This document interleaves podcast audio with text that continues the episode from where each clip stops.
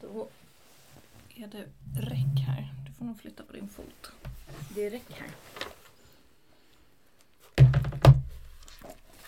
Mm, mm, mm. Inte pressa.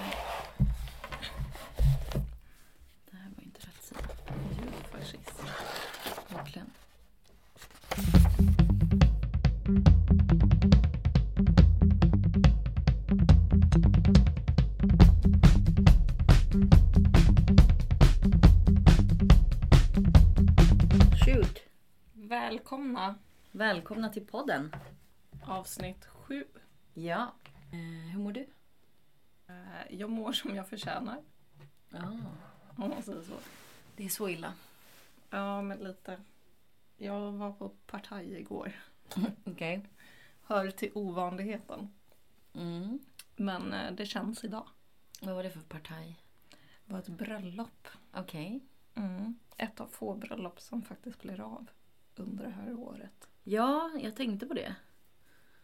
Det. Jag var bjuden till ett bröllop nu i juli. Men det Mm. blir uppskjutet till nästa år. Ja, det är många som som ställa in eller ställa om. Det måste kännas så tråkigt. Ja, jag kan tänka mig när man verkligen har planerat. Ja. Det här var ett ganska litet bröllop så det gick inom restriktionerna och sen så var det ändå att det blev en utomhusvigsel och mingel utomhus och så. Man Mm. försökte ändå att anpassa. ja. Men du mår dåligt idag? Ja, sämre än vad jag brukar må. Ja. Jag med. Du med? Ja, vad gjorde du igår? Jag var hos en kompis och grillade. Mm, Hon bor ju väldigt nära mig så vi brukar ses väldigt spontant. Hon, jag hörde av mig till henne och hon sa vi ska grilla så kom gärna förbi om du vill. Mm. Ja, soft liksom. Ehm, och då blev det lite mix av allt möjligt. Och jag har sovit väldigt, väldigt dåligt. Mm. Och du vet, jag vaknade i morse och bara... "Ah, Fan. Överkörd av en buss. Ja men typ. Och ena sekunden mår jag lite bra. Andra sekunden, nej inte alls bra. Så att det är så här... Det Mm. pendlar ju alltid. Plus Mm. att ja, men man sover ju extremt Ja. dåligt. Det kan jag känna igen. Jag sov ju också jättedåligt. Ja. Det här att somna man- när man är berusad. Ingen All- bra grej. Nej. Fy fara. Utan att typ ha tryckt en pizza innan. Nej. Usch. Men eh, jag var ju extremt bakis när ni gifte er. Ja. För fem år sedan. Och jäklar, alltså. Jag har ändå haft mina... Alltså varit ute och härjat en del. Mhm. Men så illa har jag aldrig mått. Vilket är jättekonstigt. För att jag kan inte minnas att jag drack särskilt mycket. Men eh, Nej, jag men du antar gjorde att... nog det. Nej men jag tror inte det. Jag antar bara att det var väldigt mycket. Alltså det var vin. Ja. Vitt vin. Och jag drack inte det på den tiden. Nähä. Nej. För fem år Ja, sedan det var, gjorde det var mycket vin. Och sen var det ju några som tog några drinkar där. Mm. Jag tror inte jag tog någon drink. Jag tror att jag bara drack vin. Men eh, jag mådde så dåligt och ni hade ju bokat en brunch dagen efter. Mm. Som, Som jag var så glad för att jag bara hade inte liksom sagt att jag skulle komma på den ändå. Men jag vaknade ju fyra på eftermiddagen och jag normalt brukar alltid vakna vid typ åtta, nio. Mm. Sov till fyra och sen var det bara mina steg jag tog för resten av dagen var ju mellan toaletten och sovrummet. Typ. Mm. Jag mådde så dåligt. Jag var- ville att en blick skulle slå ner mitt huvud typ. Så att jag bara kunde bli av med skiten. Det var fruktansvärt. Så att, eh, men ja, det är tur Ja, att nej, det är inte på den så. nivån. Nej, så illa är det ju inte. Nej, Men ja, det, det känns. det känns. Och det brukar oftast bli bäst typ så här efter sju. Då brukar man känna så här Mm. att man är... Ja, men jag hoppas att imorgon kommer jag Ja, back to usual. ja det är ju skönt.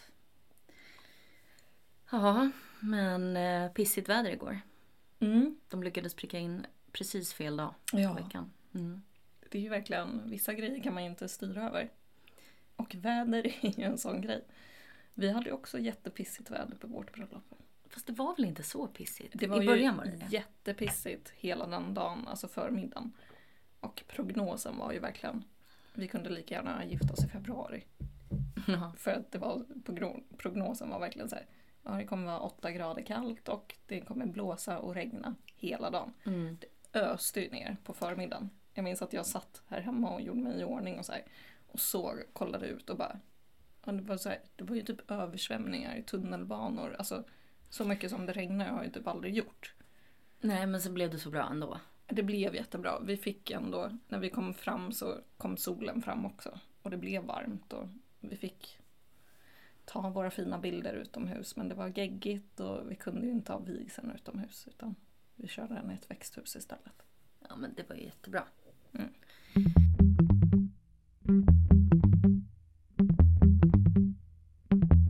Jaha. Ehm, den här veckan har ju varit... Alltså, eller det kanske inte var den här veckan. Det var väl kanske veckan före. Det här med Paolo Roberto. Ja, det var väl på fredagen. Idag är det den 24 maj. Ja, precis. Jag tror att det var på fredagen där. Ja. Ehm, och för er som inte vet om, jag tror inte någon har missat. Nej, precis. Men eh, Paolo Roberto blev ju tagen i en sexrazzia. Mm. En polisinsats På Grevgatan, mm. Östermalm. på Östermalm och eh, erkände på plats. Eh, och då blir det ju straffet för att köpa sex i Sverige. Det är ju olagligt att köpa sex. Eh, blir ju dagsböter. Mm. Så det är ju inte så mycket mer än så. Men eh, det, så som jag fick reda på det var ju att jag satt där på fredag förmiddagen. Så vid lunchtid där omkring så, så fick jag upp något på Instagram. Ett inlägg. Mm. Jag tror det kom upp så här, för jag följer ju inte Paolo. Och gjorde inte då heller. Men eh, jag fick upp det på så här. Det var någon annan som hade delat det eller att det kom upp som förslag.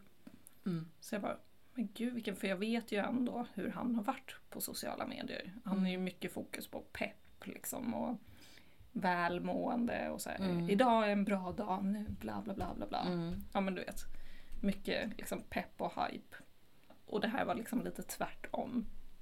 Det stod ju inte svart på vitt vad som hade hänt i det här inlägget. Utan det som stod var i princip att eh, när allting går som bäst för mig så förstör jag för mig själv. Ja. Eh, lite så och eh, sen väldigt vetydigt om att han hade ja, men, eh, Förlorat allt. förlorat allt. Sin karriär, sin familj. Sin kärlek. sin Mm. kärlek. Jag bara, gud vad konstigt. Och sen så läste jag i kommentarsfältet som jag gör när jag Vad stod det där riktigt- då? Nej, då var det ju någon som hade kopplat det. För de hade ju inte gått ut med hans namn först. Men det, men det var någon som skrev läs på Expressen. Mm. Det stod bara läs på Expressen. Och jag bara, ja okej men jag går in på Expressen.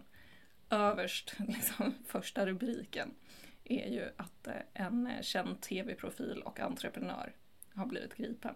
Mm. I här. sexköp. Mm. Ja, alltså det roliga är ju i den här, eller vadå roligt, det är ju inte roligt överhuvudtaget såklart. Men eh, det är ju spännande hur vissa aldrig har kunnat ens föreställa sig det här just med Paolo Roberto. Jag har följt Paolo Roberto ganska länge Mm. på Instagram.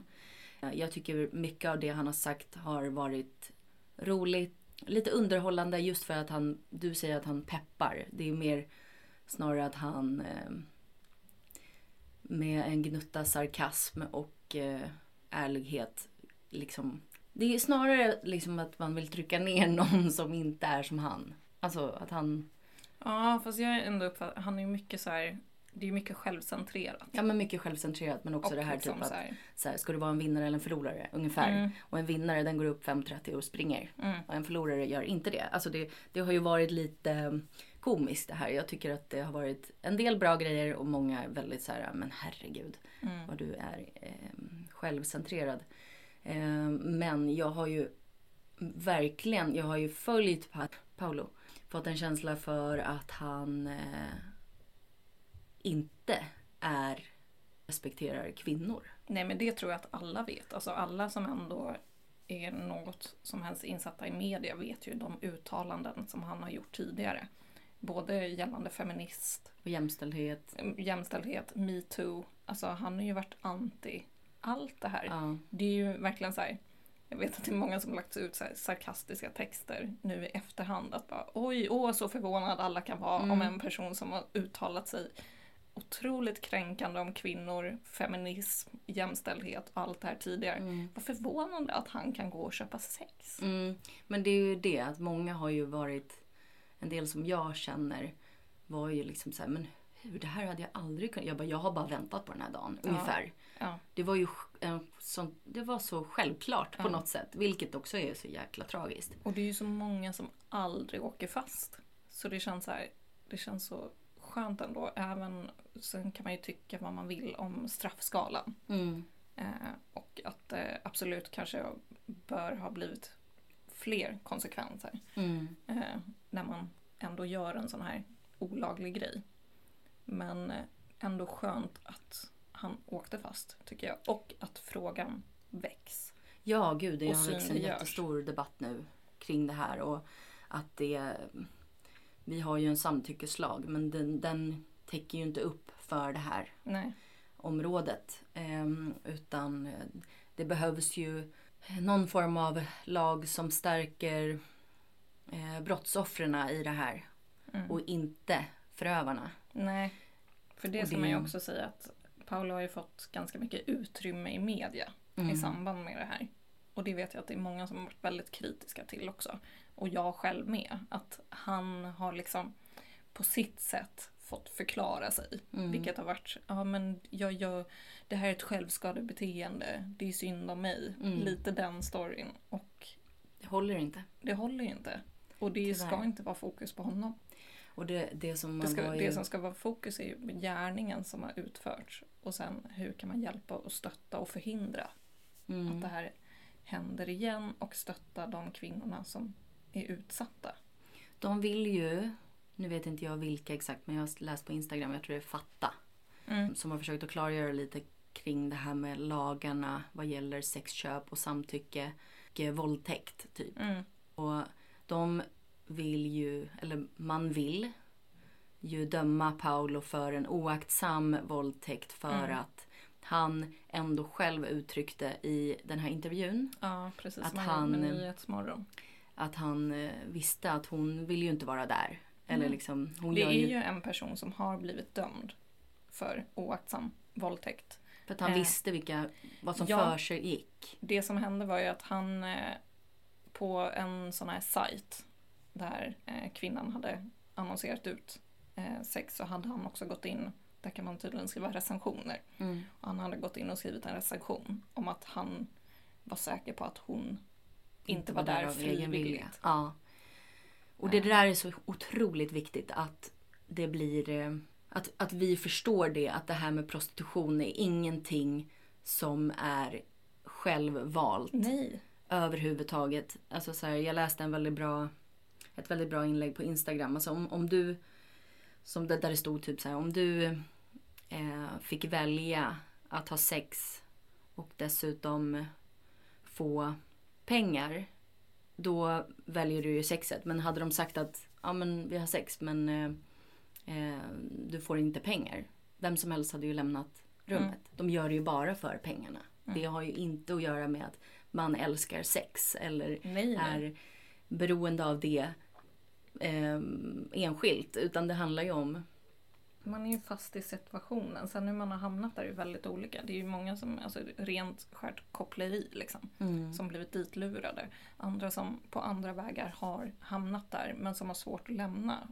Av ekonomiska skäl, fattigdom, eh, Mm. familjeförhållanden. Alltså det kan vara allt möjligt. Paolo hade ju själv då uttryckt att, eller nej förlåt, det framgick ju i den här artikeln att hon var ju den här kvinnan som han, eh, vad ska man säga, ska man säga förgrep sig på nu? Ja, Ja, var eh, från ett av Europas fattigaste länder. Mm. Och i kombination med att han då själv hade uttryckt att hon ville inte vara där. Mm. Det är liksom det är fruktansvärt att män då kan komma undan med att betala en böter för det här. Mm. Och jag menar det som störde mig mest var också så här, varför pratar vi om Paolo? Varför Mm. pratar vi inte om den här kvinnan? Mm. Vart är hon? Hur mår hon? Mm. Vad gör hon liksom? Eh, det här bara fortsätter och det, det är ingenting som ska bli någonting som vi ser titta bort från. Det måste vara någonting som vi verkligen tar upp i en Mm. debatt. Alltså det här är ett stort problem och det ska inte bli normaliserat att köpa sex eller det ska inte vara någonting. Alltså här behövs den här, det är den här machokulturen som behöver Mm. liksom förgöras. Mm. Män ska inte ha det här utrymmet att diskriminera och förminska andra människor, kvinnor, på det här sättet. Det är, är fruktansvärt. Alltså, Mm. så här, det här med sexköp, alltså, det speglar ju hur de här förövarna ser på Mm. offret. Kvinnosynen. Ja, Absolut. kvinnosynen är ju, den är så fucked up. Mm. Det är den verkligen. Men man måste ändå säga att det finns ju organisationer som hjälper och stöttar kvinnor. Så Talita är en sån organisation som Mm. hjälper eh, kvinnor som är utsatta eller har varit utsatta eh, inom sexköp. Mm. Så där finns en organisation man kan hjälpa till att stötta och följa. Ja, och ni som vill läsa mer om liksom, prostitution eh, och brottsoffers perspektiv. Inte din hora på Instagram. Mm. Bästa kontot. De är så duktiga och engagerade och de har ju även också varit med på intervjuer Mm. i tv nu efter det här, ehm, den här eh, razzian eh, för sexköp. Så att ja, väldigt bra organisationer som jobbar hårt för att stärka brottsoffrens Mm. situation. Så det är super.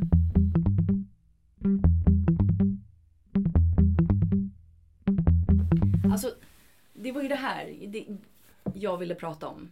Lite såhär stalk, stalker, stalkers. Stalkers. Ja, har du någonsin blivit utsatt för en stalker? Alltså stalker kan ju vara... Ja, jag tänker det är ju verkligen en definitionsfråga. Ja. vad som är en stalker. Men eh, jo, men jag, jag har ju en incident, Mhm. eller en person som jag kan berätta om. Okej. Jag jobbade när jag var i ja, men sena tonår. Ungefär samtidigt som jag gick i gym- gymnasiet så arbetade jag på kvällar och på helger som eh, gymnastikledare. Mm. Och höll i så här bamsegympa och barndans och allt vad det var. Och det var ju de här barnen, ja men de var ändå hyfsat små. De var väl mellan fem till sju år. Mm. Och det var en pappa till ett, ett barn. Ja, som jag vet. Jag fick liksom en känsla av att vad kan jag ha varit? Jag kan väl kanske ha varit 17 år eller något. Men jag vet att jag fick en du höll ändå känsla. på det med det tills du var typ 19? Ja, 20. så jag höll ändå på ett tag. Eh, Men jag tror att det här var i början. Mm. Men det var en pappa där som var... Men han, jag vet att han kollade väldigt speciellt. Jag hade en regel också som att föräldrar får sitta i omklädningsrummet förutom första gången. Mm. Annars så vill jag inte ha dem där inne för att det... Det blev ett- distraherar. ja, det distraherade och det blev en mycket bättre lektion när Mm. de inte var med. Både för barnen och för mig Mm. som höll i det. Men eh, han skulle ju alltid vara med av någon anledning. Du vet, han hittade ursäkter om att han behövde vara med. Mm. Jag vet att jag tyckte liksom det var obehagligt hur han satt och tittade. Mest Pratade på mig. han? Ja, och han pratade ju med mig också och jag försökte så här, ändå vara professionell och hålla i lektionerna och så. Och jag vet efteråt, jag, jag gick ju med en så här jättestor gymnastikbag Mm. med, fylld med liksom rockringar och bollar och Ja. ärtpåsar och Mhm. hopprep och gud vad, vad det var. Eh, som jag gick och släpade för att ta mig hemåt. Han hela tiden kom och så skulle erbjuda mig skjuts. Vet jag, nej, efteråt ja. också. Och då hade han ändå sitt barn sittandes i baksätet. En gång så skjutsade han mig till stationen men efter det så åkte jag aldrig med honom för att han var så obehaglig. Mm. Han kallade mig för gumman och så här Åh nej. också. Ja. Och det, det är ju också så här, det där är ju också, man ursäktar mäns beteenden. Ja. Du vet, de kan komma med sina undanflykter Mm. och man bara liksom så här, ja men det här är en, en snuskgubbe. Mm. De, alla är så. Eller liksom det finns sådana och Mm. det ska vara okej. Ehm, och i den här unga åldern så är man så också så utsatt. Mm. Man har ju som sagt, alltså som vi har nämnt tidigare, man har ju inte den här verbala förmågan att Nej. kunna säga nej eller Men jag försökte ändå sätta gränser. Jag, jag tror till och med att jag sa så här, nej men jag, jag har pojkvän eller jag har sambo, du vet. Jag Mm. sa väl något sånt. Och eh, ja, men, försökte ändå göra tydligt att det Mm. här är vad som gäller. Bara så du vet, jag är inte intresserad. Plus att du är gammal nog att skulle kunna vara min pappa. Mm. Ja men precis. Eh, men, eh, nej, men han fortsatte ju liksom. Så det kände jag det var lite så stalker-beteende. Jo men det var det ju. Mm, Men ja, jag har ju lite erfarenhet av så här stalker. Stalker som sagt, det är en definitionsfråga men det här är ju... Jag pratar om de här som kan skriva till en och typ de får inget svar men de fortsätter ändå att skriva. Mm. Det är så här kränkta män. Mm. Okej, vi pratar inte om alla män men vi pratar om män generellt. Ni, kommer säkert, ni förstår säkert vad vi menar. Mm, Det här var en, en man som jag träffade. Alltså bara träffade på. Vi var kollegor när jag jobbade utomlands. Mm. Och eh, det var inget sexuellt överhuvudtaget. Men eh, vi skrev till varandra för då kände vi ju varandra i början. Tills att eh, vi, vi sågs bara den gången. Det var typ en dag utomlands. Och sen hade vi lite kontakt vid sidan av. Men sen märkte jag att liksom det här det var, blev inget mer. Och det här var ju 2013. Så från och med nu. Alltså från och med 2013 till och med nu Mm. så är den här, fortvar- den här mannen fortfarande, han gör sig synlig. Mm. Alltså genom olika, olika saker. Han, eh, när han märkte då att jag inte var intresserad eller inte, det inte skulle bli något mer, då var det ju väldigt mycket, han började tycka synd om sig själv. Eh, han kunde liksom blocka mig. Mhm. Och jag bara såhär, ja ja. Ja, skönt. Och sen insåg han ju att det, där fick han ju ingen reaktion. Nej. Att jag liksom tog kontakt med honom på något annat sätt. Så han blockade upp. Och så började han skriva Hej hur mår du? Och liksom ja. Ehm, och, och sen när han märkte att jag inte svarade. Då blev det att han typ blockade mig igen. Och sen blockade jag upp. Och bara nu för någon vecka sedan så får jag en vänförfrågan. Ehm, och ehm, nu har han ju då blockat mig igen. Så att han är väldigt speciell den här killen. Mm.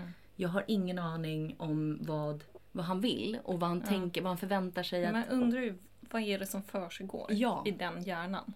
Både den här killen som du berättar om nu och den här pappan. ja, Som liksom ändå... Alltså som inte lyssnar. Och jag var ändå tvungen att träffa honom varje vecka. För att jag hade ett åtagande, ett jobb. Som jag behövde genomföra.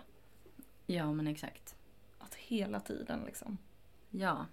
Sist jag skrev till honom var 25 april 2017. Mm. Ehm, och sen då så har han skrivit igen då, 11 februari 2018. Hej, hur mår du? Och jag har inte svarat. 18 mars 2018. Hej, hur går det? Sen har jag inte svarat. Så 5 april, alltså ett år efter 2019, så frågar han hur mår du? Sen då 26 december förra året. Mm. Varför säger du inte hej? Det är femte gången och du säger inte hej. Och så kommenterar han någonting med min bild, min profilbild. Eh, och så bara, varför läser du men svarar inte? Jag fattar inte att du inte svarar. God natt. Och förlåt. Och sen då efter det här så blockade han mig. Mm. Och jag bara, "Ja, ja. Och sen då, för bara några veckor sedan, fick jag en vänförfrågan. Så att han, han, det är ju någonting. Alltså det är jättekonstigt. Skitkonstigt att förstå. Och jag tycker bara det är så här komiskt. Det är fruktansvärt också. För det, är- det är ju hemskt att män ska kunna bete sig så här. Eh, Men, eh, men det är lite komiskt, tycker jag. Mm. För jag förstår inte. Sen var det ju då en kille som jag, eh, jag hängde, jag tränade en del på Friskis vid Fridhemsplan. Och ehm, där var det då en kille som var så här, ja men var vänskaplig och ville träna ihop. Och jag, då sa jag väldigt snabbt att så här, ja absolut men du ska veta att jag, ehm, jag är inte redo för något förhållande. Mm. Jag är inte intresserad av det överhuvudtaget. Så att är det så att du bara vill träna, visst men det, det är det som gäller. Mm. Var väldigt rak. Muntligt. Vi Mm. hade ett samtal, vi tittade varandra i ögonen och pratade. Liksom. Han bara, ja, ja, inga problem liksom. Och sen då, um, jag tror att vi hade tränat, det minns jag inte, eller om vi inte hade gjort det. Men vi, han tog, fick mitt nummer. Mm. Och sen dröjde det inte länge innan han började skriva långa liksom, haranger. Det Bara, Mhm. om hela, han öppnade upp om hela sitt liv, alla sina problem. Och sen då helt plötsligt skickade han en länk så här, på Ricky Gervais. För han såg att jag hade delat något sånt. Det Mm. hade väl varit ett öppet inlägg som jag hade på min profil. Han bara, ah, förlåt men jag blev ju så nyfiken så jag liksom. Då har han tagit mitt nummer, letat upp mitt namn, hittat mig på Facebook. Och sen skickat den här länken. Och då var jag också så här, jag bara väldigt kort med svaren Mm. och svarade kanske med tre dagars mellanrum. Men han fortsatte ju. Och sen skickade han ju någon vänförfrågan sen. Och sen så till slut så fick jag ju bara, för att bli av med honom. Mm. Jag fortsatte ju att gymma där och vi sågs ju hela tiden. För att jag bara skulle markera för honom hur mycket jag inte ville ha med honom Mm. att göra mer. var ju bara att jag helt ignorerade honom. Mm. Att jag, så här, du vet, jag tittade rakt fram. Stod han där så var det som att jag tittade rakt Mm. igenom honom. och sen var det, var det slut efter det. Liksom. Men ehm, Ja, det upphörde sen. det upphörde sen. Gjorde det. Ja. Tror jag om Men inte att han det ens ska något. behöva gå så långt, det är ju det. Ja, nej men det är ju det. Också. Det här med, alltså ja. Det är ju det som är själva stalkerbeteendet. Sen är ju, det är ju som vi är inne på, en stalker kan ju definieras på olika sätt. Det behöver inte vara en person som dyker upp utanför din dörr Nej. klockan tre på natten och håller på sådär. Utan det är ju det här att hela tiden, alltså maniska beteendet att fortsätta och fiska efter någonting som uppenbarligen inte finns där. Ja men exakt. Och det här med att ta ett nej. Alltså så här, hade jag träffat en kille och killen var så tydlig med att så här, jag är inte intresserad. Mm. Det finns ju inget Nej. på världs... Alltså det finns ju inte ens i Jag min värld att jag hade inte fortsatt. tagit kontakt med honom Nej. igen. Nej. Det där förstår inte jag. Det är ju någonting i psyket liksom som Mm. är knas. Tänker man ju. Ja. Men ehm, ja, det har man ju läst väldigt mycket om. Alltså så här, män som inte kan ta ett nej. Eller Mm. väldigt lättkränkta män. Det var en tjejkompis till mig som hängde på Badoo ett tag och där behöver man inte matcha för att skriva till varandra. Nähä. Utan där kan man bara helt plötsligt börja skriva med någon. Och då var det en kille som hade skrivit typ Hej du är så söt och fin liksom. Och hon hade inte svarat. Och så var det typ, det kanske dröjde en timme. Och sen fick hon då, skrev han igen bara Hoppas du blir knullad hårt i röven din lilla slyna. Man bara, du skrev just hej och Ja. var väldigt trevlig och jag var så fin. Och det där är vidrigt. Ja. Alltså det skrämmer mig. Ja. Kränkta män. Du vet Ja. när de inte får som de vill. ja, det är ju så skrämmande. De tänker att de- märker- Det är ju sådana personer som helt plötsligt skulle kunna Våldta. Ja, och dra ut mig i skogen och hälla bensin på mig. Ja. Alltså, Ja, eller att- köpa sex. ja. Det, där, det är ju väldigt tydlig liksom, kass kvinnosyn. Mm. Inte fatta att jag är inte intresserad. Eller jag svarar väl när jag svarar. Jag kanske Mm. gör något annat.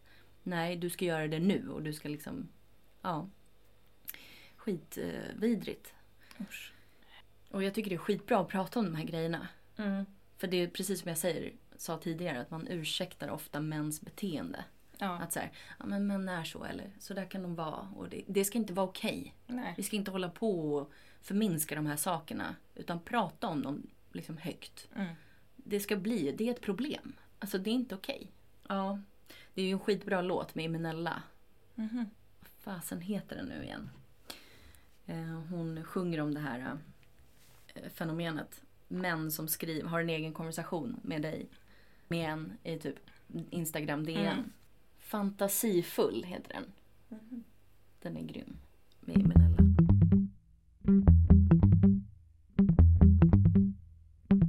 Oh, jag har börjat titta på en sån jävla rolig serie. nej men förlåt. I varje podd ska det in ett serietips. Ja nej men det Det är här är givet. som eh, Top Model.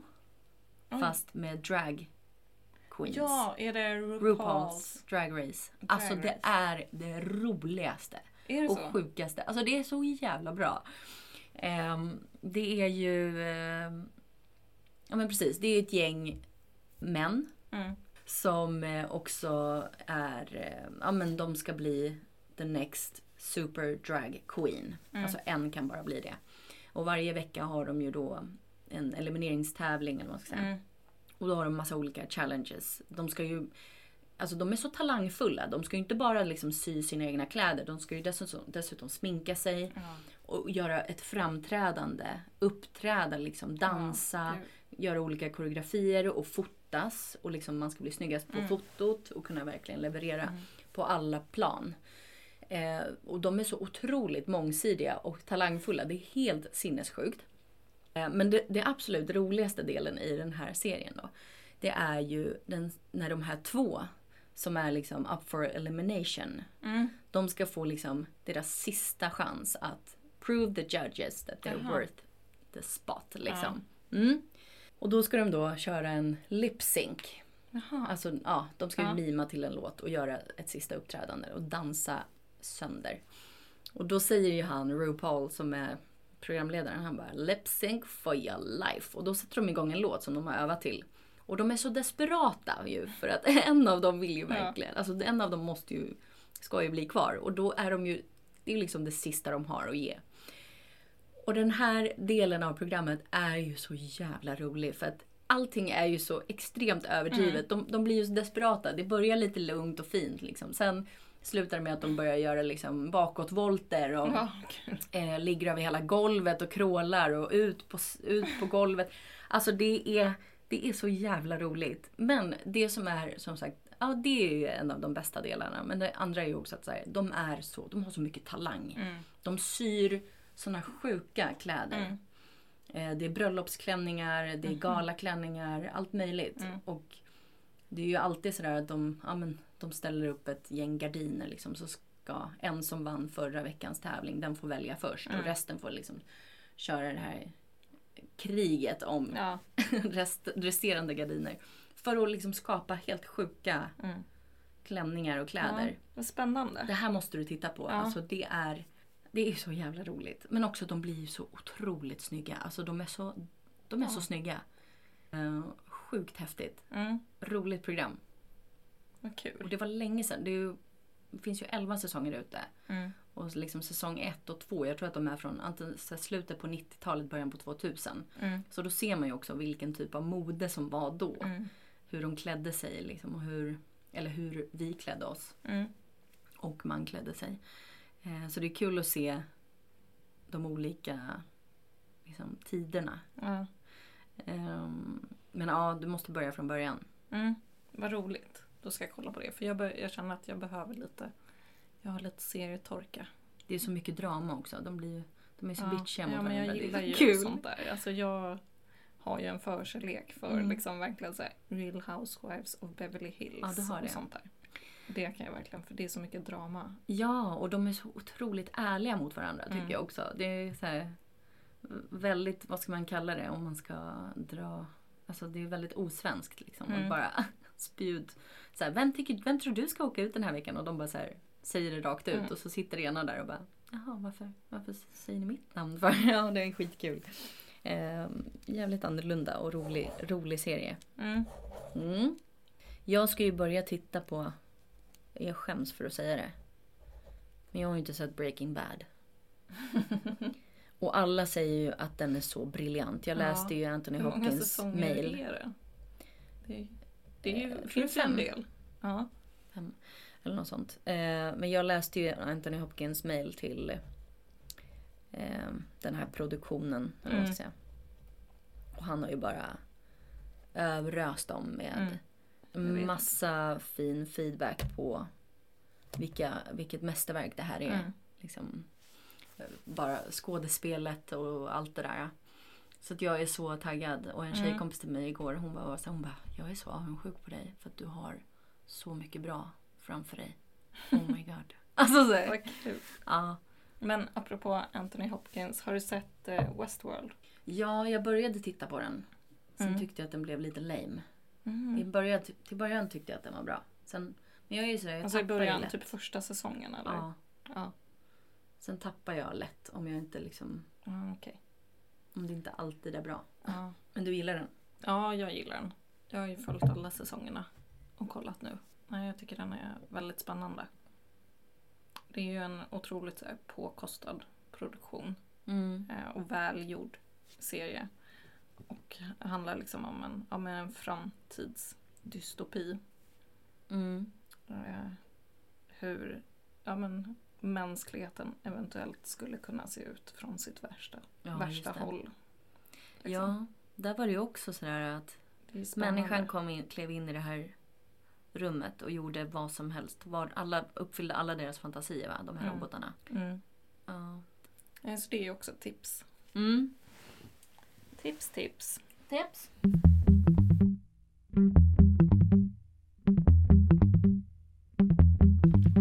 Jag skulle vilja ha... Jag fick så här en sån enorm craving och det är ju för att det är så här... Man sitter typ i, nästintill i karantän liksom. Att Mm. man sitter hemma väldigt mycket. Ja. Så fick jag så flashbacks till att så här, jag The Sims. Fick du det? Ja. Ja. Har du någonsin spelat The Ja, ja, gud ja. ja. Ja, det har jag. Jag gjorde det jättemycket när jag var liksom, Och jag kommer ihåg Barn. den här koden som man fick en massa pengar. Rosebud. ja, motherload. Mm. Alltså det var ju... Ja, det var jävligt kul faktiskt. Jag minns att det var så sjukt att man kunde sitta och spela och sen kunde man kolla upp och bara, det har gått tre timmar. Mm. Att det var verkligen så här, helt högt Mm. Det. Var så roligt att bygga. Det tyckte jag var så roligt. Mm. Det var ju det roligaste. Ja, ja, precis. Sen spelade man ju inte så mycket. Nej, Nej, man typ bygga dödade alla. Tog bort så stegen till poolen och så Ja. såg man sen hur livmannen kom och hämtade upp. ja, just det. Gud, jag har glömt alla de här detaljerna. Det var så kul. Men vad är det för sim som ligger ute nu? Alltså vad är det för... Oj, jag tror att det är, vad kan det vara, Sims 4? Kan det vara så? Oj. Jag spelade ju liksom från när det var alltså Sims 1. Mm. Och sen så tror jag att jag spelade The Sims 2. Eventuellt att jag spelade trean också, Mm. jag kommer inte ihåg. Men jag tror eventuellt att jag gjorde det. Sen har ju inte jag spelat, men jag blev så här, jag bara, Men gör det. ja. Fixa. Men då kanske det blir så där att man sitter i flera timmar och glömmer bort tid och rum och så har det gått sex timmar. Mm. Man har varken druckit eller ätit något, bara spelat The Sims. Vet du vad jag blev sugen på igår? Nej, vadå? Att skaffa ett par inlines. Oj! Ja. Jag älskar ju inlines. Alltså okej, det är inte som att jag är något så här inlines-proffs som kan åka i ramper och grejer. Det är inte så. Men jag minns att när jag var barn så var det ju Mm. att så fort jag, vad jag än skulle göra så var det liksom inlines på. Mm. Ner till Gula Villan i Tumba, Mm. liksom köpa godis. Inlines. Hem till en kompis, inlines. Ja. Vad man än gjorde. Gud, jag minns att man säger, ja, när man åkte in i typ så här videobutiken. Mm. Så bara kom man in där på inlines. Åh. Det är så roligt. Ja. Det är skitkul. Ehm, så det är jag lite sugen på. Mm. Sen är det ju nu... Li har ju precis börjat. Ja, jag såg dem. Ja, hon har ju verkligen, vi har varit ute och åkt med dem en gång. Eh, och det är ju väldigt mycket Bambi på halis. Men Mm. det, så var det med hockeyn först också. Jag tänker att det, det kommer Mm. om ett litet tag. Hon är ganska orädd Ja, ändå. precis. Hon kommer klara det där skitbra. Mm. Sen är jag ju igång och håller på att försöka inreda min balkong. Ja, hur går det? Jag har ju lagt trall och sådär. Jag t- har ju tittat en del på utemöbler och det är så jäkla dyrt. Mm. Eh, man vill, alltså jag vill ju gärna ha någonting bekvämt. In, alltså någonting som man kan ändå man kan ligga där ute ett tag och ha det mysigt. Mm. Eh, sitta och käka ehm, och sådana där grejer. Så att jag letar efter någonting bekvämt som ändå håller men som inte är allt för dyrt. Och det är inte det lättaste kan jag säga för Nej. allting är så otroligt dyrt. Alltså så här, eh, det går åtminstone på en fyra lax Mm. för någonting. En grupp. Eh, Och sen vill jag ju jättegärna, jag vill ju kunna grilla i sommar på balkongen. Mm. Och då vill jag jättegärna ha en elgrill. För Ja, jag, det är det som är tillåtet. det vet jag inte om det är men jag tänker att det är väl det enda Ja. Närmast jag kan komma en grill på Mm. min balkong utan att någon börjar klaga. Mm. Alltså jag, ja, nu är det så här, det är klart att hade det varit så att en granne till mig hade grillat konstant och att jag hade liksom haft värsta rökmolnet i lägenheten då hade jag ju säkert klagat. Mm. Men ibland känns det ju lite som att så här, många klagar bara för klagandets skull. Inte för att, eller Nej. kanske på grund av Min avundsjuka. pappa eller grillade ju hur mycket som helst när vi bodde där i Visättra. Ja, Jag minns att eh, han fick ju klagomål för han, det var ju inte en elgrill. nej. Han grillade ju på en kolgrill. Ja. Du vet, det var tändvätska och grejer. Mm. Men de ovanför klagade ju för att han grillade ju hur mycket som helst. Ja men det kan man ju förstå. Men sen så finns det ju de här som bara rök också. Han typ rökte fisk och grejer. de här griniga grannarna. Ja. Som bara säger shit vilken fin elgrill. Den ska bort. Du vet. Ah, Ja, jag hoppas inte jag har såna alltså. Nej, det tror jag inte. Men eh, ja, för jag grillade ju när jag bodde i andra hand. Mm. Det fick jag ju inte. Men jag bara, vi kör. Fan. Vad har jag att förlora? Det är den- min lägenhet. Man måste ju få Ja, leva lite life. leva lite life. Ja. Och sen har jag ju så, jag har ju hur mycket tomater som helst och paprika och chili Mm. och lejongap. eh, Allt möjligt som ska ut. Och då behöver jag köpa någon bra blomback typ. Mm. Som jag kan. Så jag kan börja. För de kan inte, tomaterna kan inte stå i de här små krukorna längre. De har blivit väldigt höga. De är typ 40 cm höga nu. Liksom. Mm. Det är dags att börja plantera dem. Så att man kan få lite tomater. Det är Mm. skitkul att skapa egna saker och Mm. göra. Det är jätteroligt. Självförsörja sig snart. Ja men det är, det är häftigt med nya intressen.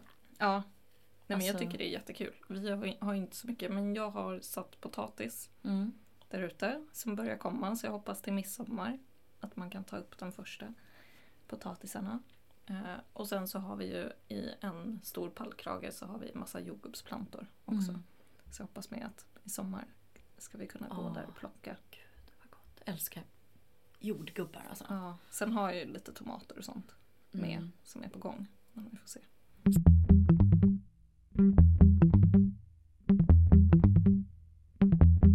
Jag tänker på det här med när man, man växer ifrån människor eller människor som man märker att vi har helt olika livssyn. Att man gör ett statement, att man säger upp kontakten med den. Mm. Har du gjort så? Mm. Ja. Det har jag. Hur har den situationen sett ut? Eller liksom? Eh, det är ju alltid jobbigt. Kan, man kan ju nästan jämföra liksom med en separation. Mm. När man separerar från en partner. Och i vänskaper kan det ju bli lite mer otydligt för här har inte vi det. Alltså den insatsen som är ändå kärlek på det sättet till Nej. varandra. För jag hade ju en person som jag umgicks med en hel del Mm. ett tag. Och sen börjar visa sig efter ett tag, eller jag vet inte om jag kanske bara själv aktivt valde att inte se det i början. Så Mm. kan det ju mycket väl vara.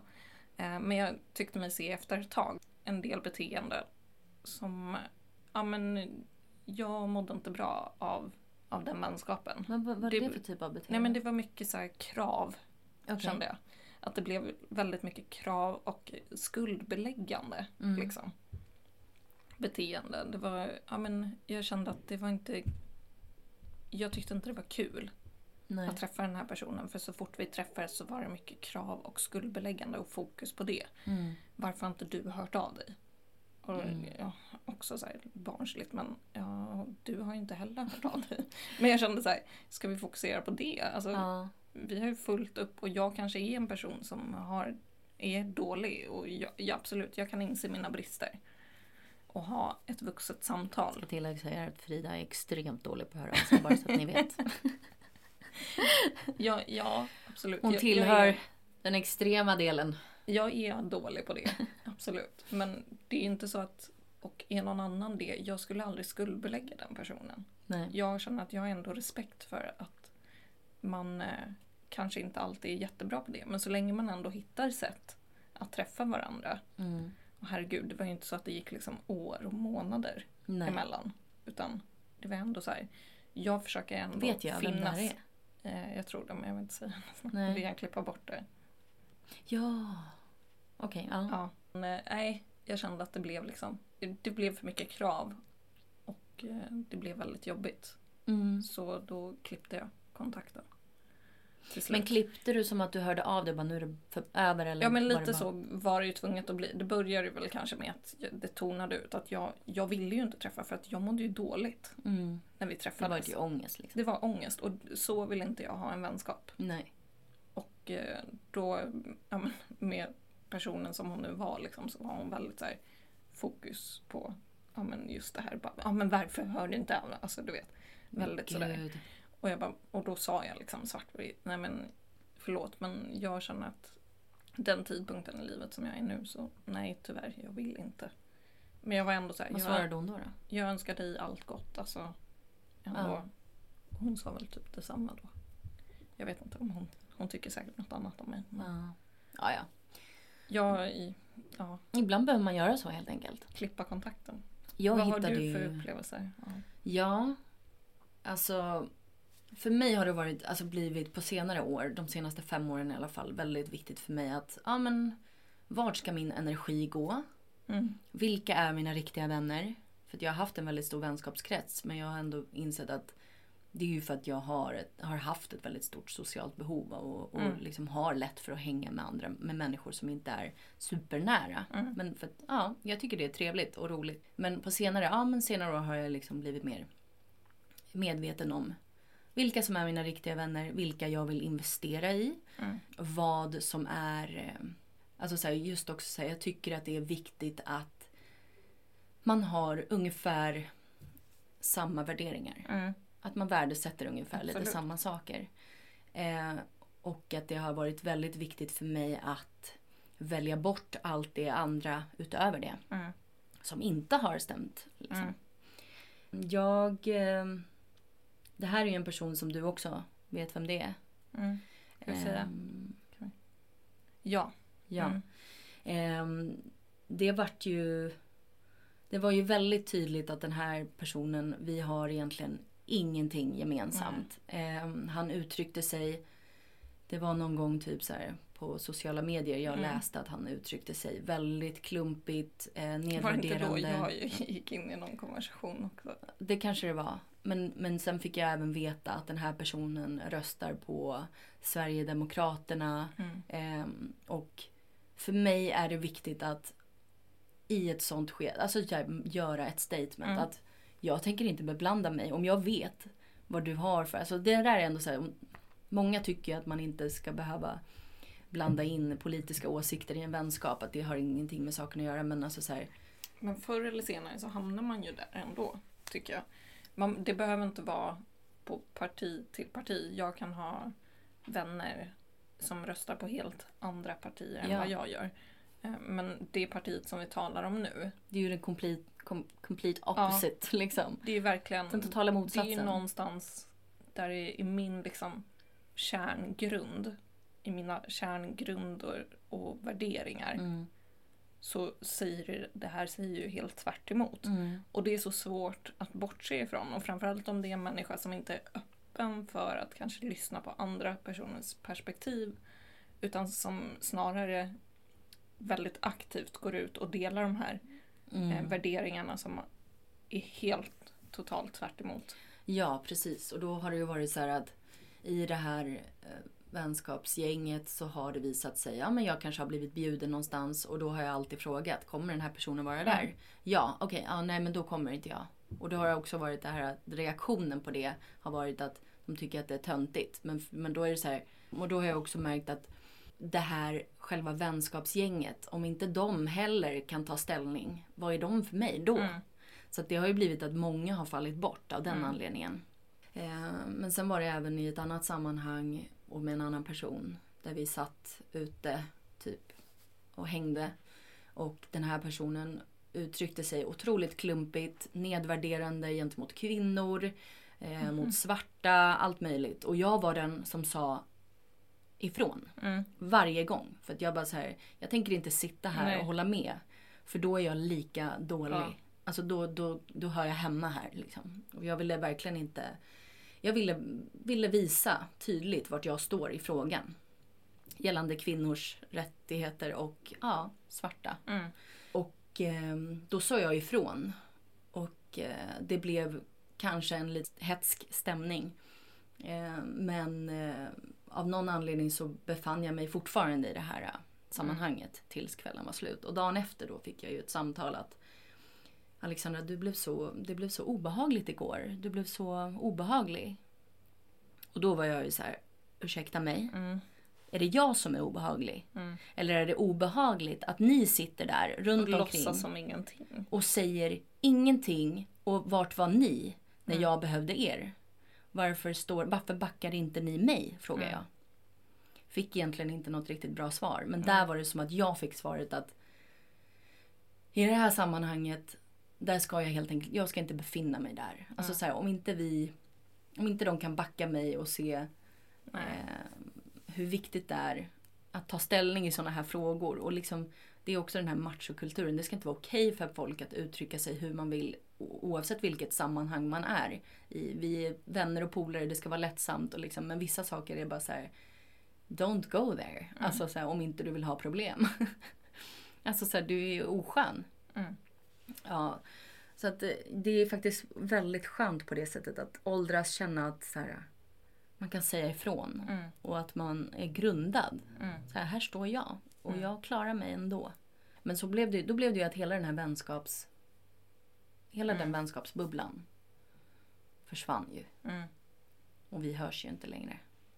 Ehm, det är lite det där som vi pratade om sist, det här med mobbingen. Man ska ju inte sitta och hålla med någon som man inte Nej. håller med om.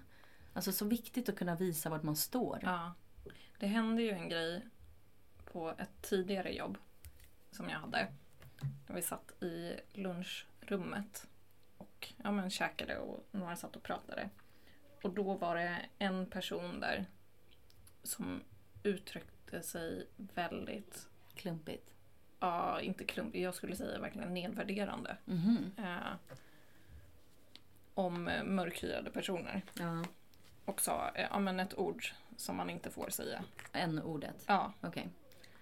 och eh, vi alla satt och pratade så jag vet inte om alla hörde det. Men jag vet att jag hajade, det var verkligen så i förbifarten.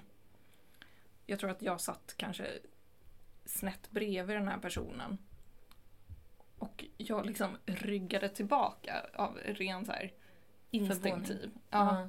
att eh, min instinktiva känsla var vad fan säger den här personen? Mm.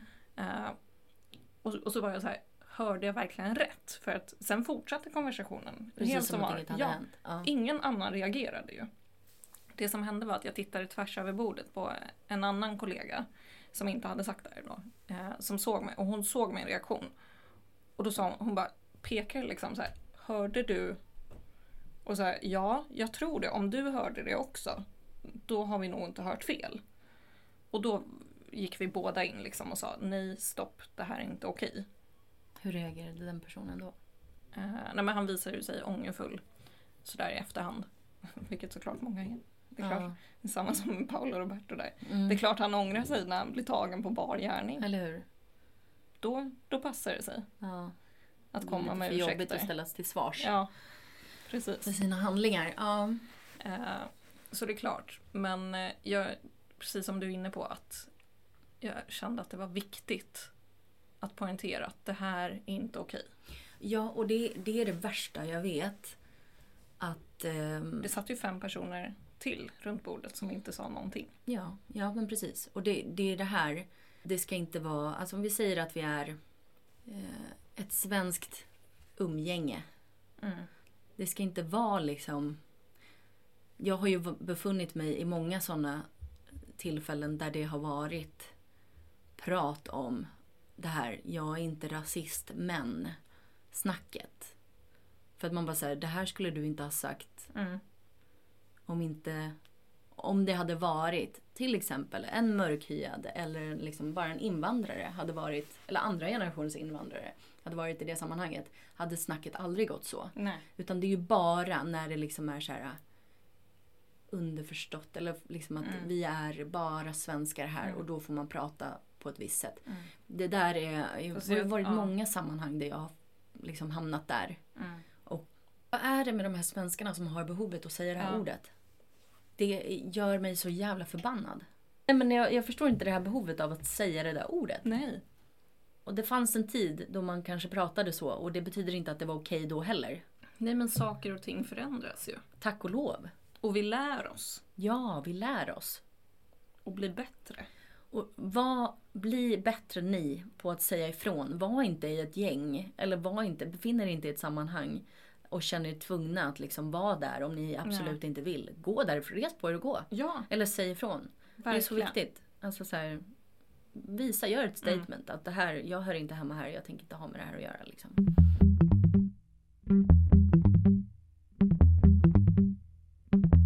Men vadå, det här var väl ett poddavsnitt då? Mm, det tycker jag. Mm. Fortsätt lyssna. Följ oss på Instagram. Kommentera jättegärna. Instagram elefantenirummet.podcast. Dela och eh, fortsätt lyssna. Hoppas att ni tycker att det är bra, det vi gör. Vi vill jättegärna ha er feedback. Mm. Det är skitkul att läsa vad ni tycker. Och eh, kom gärna med förslag. Sk- det skulle vara kul att ha så en fråge, ett frågeavsnitt. Jag tror vi är lite för... Vi är lite för no, mycket nobodies för det Ja. än. Men det, vore, det är kul när ni kommer med olika förslag och det är, det är inte alltid vi kommer kunna leva upp till dem. Men eh, jag tänker att vi försöker väl veva in dem, eller Mm. väva in dem så gott vi kan. I framtida avsnitt. Ja. Ha det så bra. Tills vi hörs nästa gång. Hej då!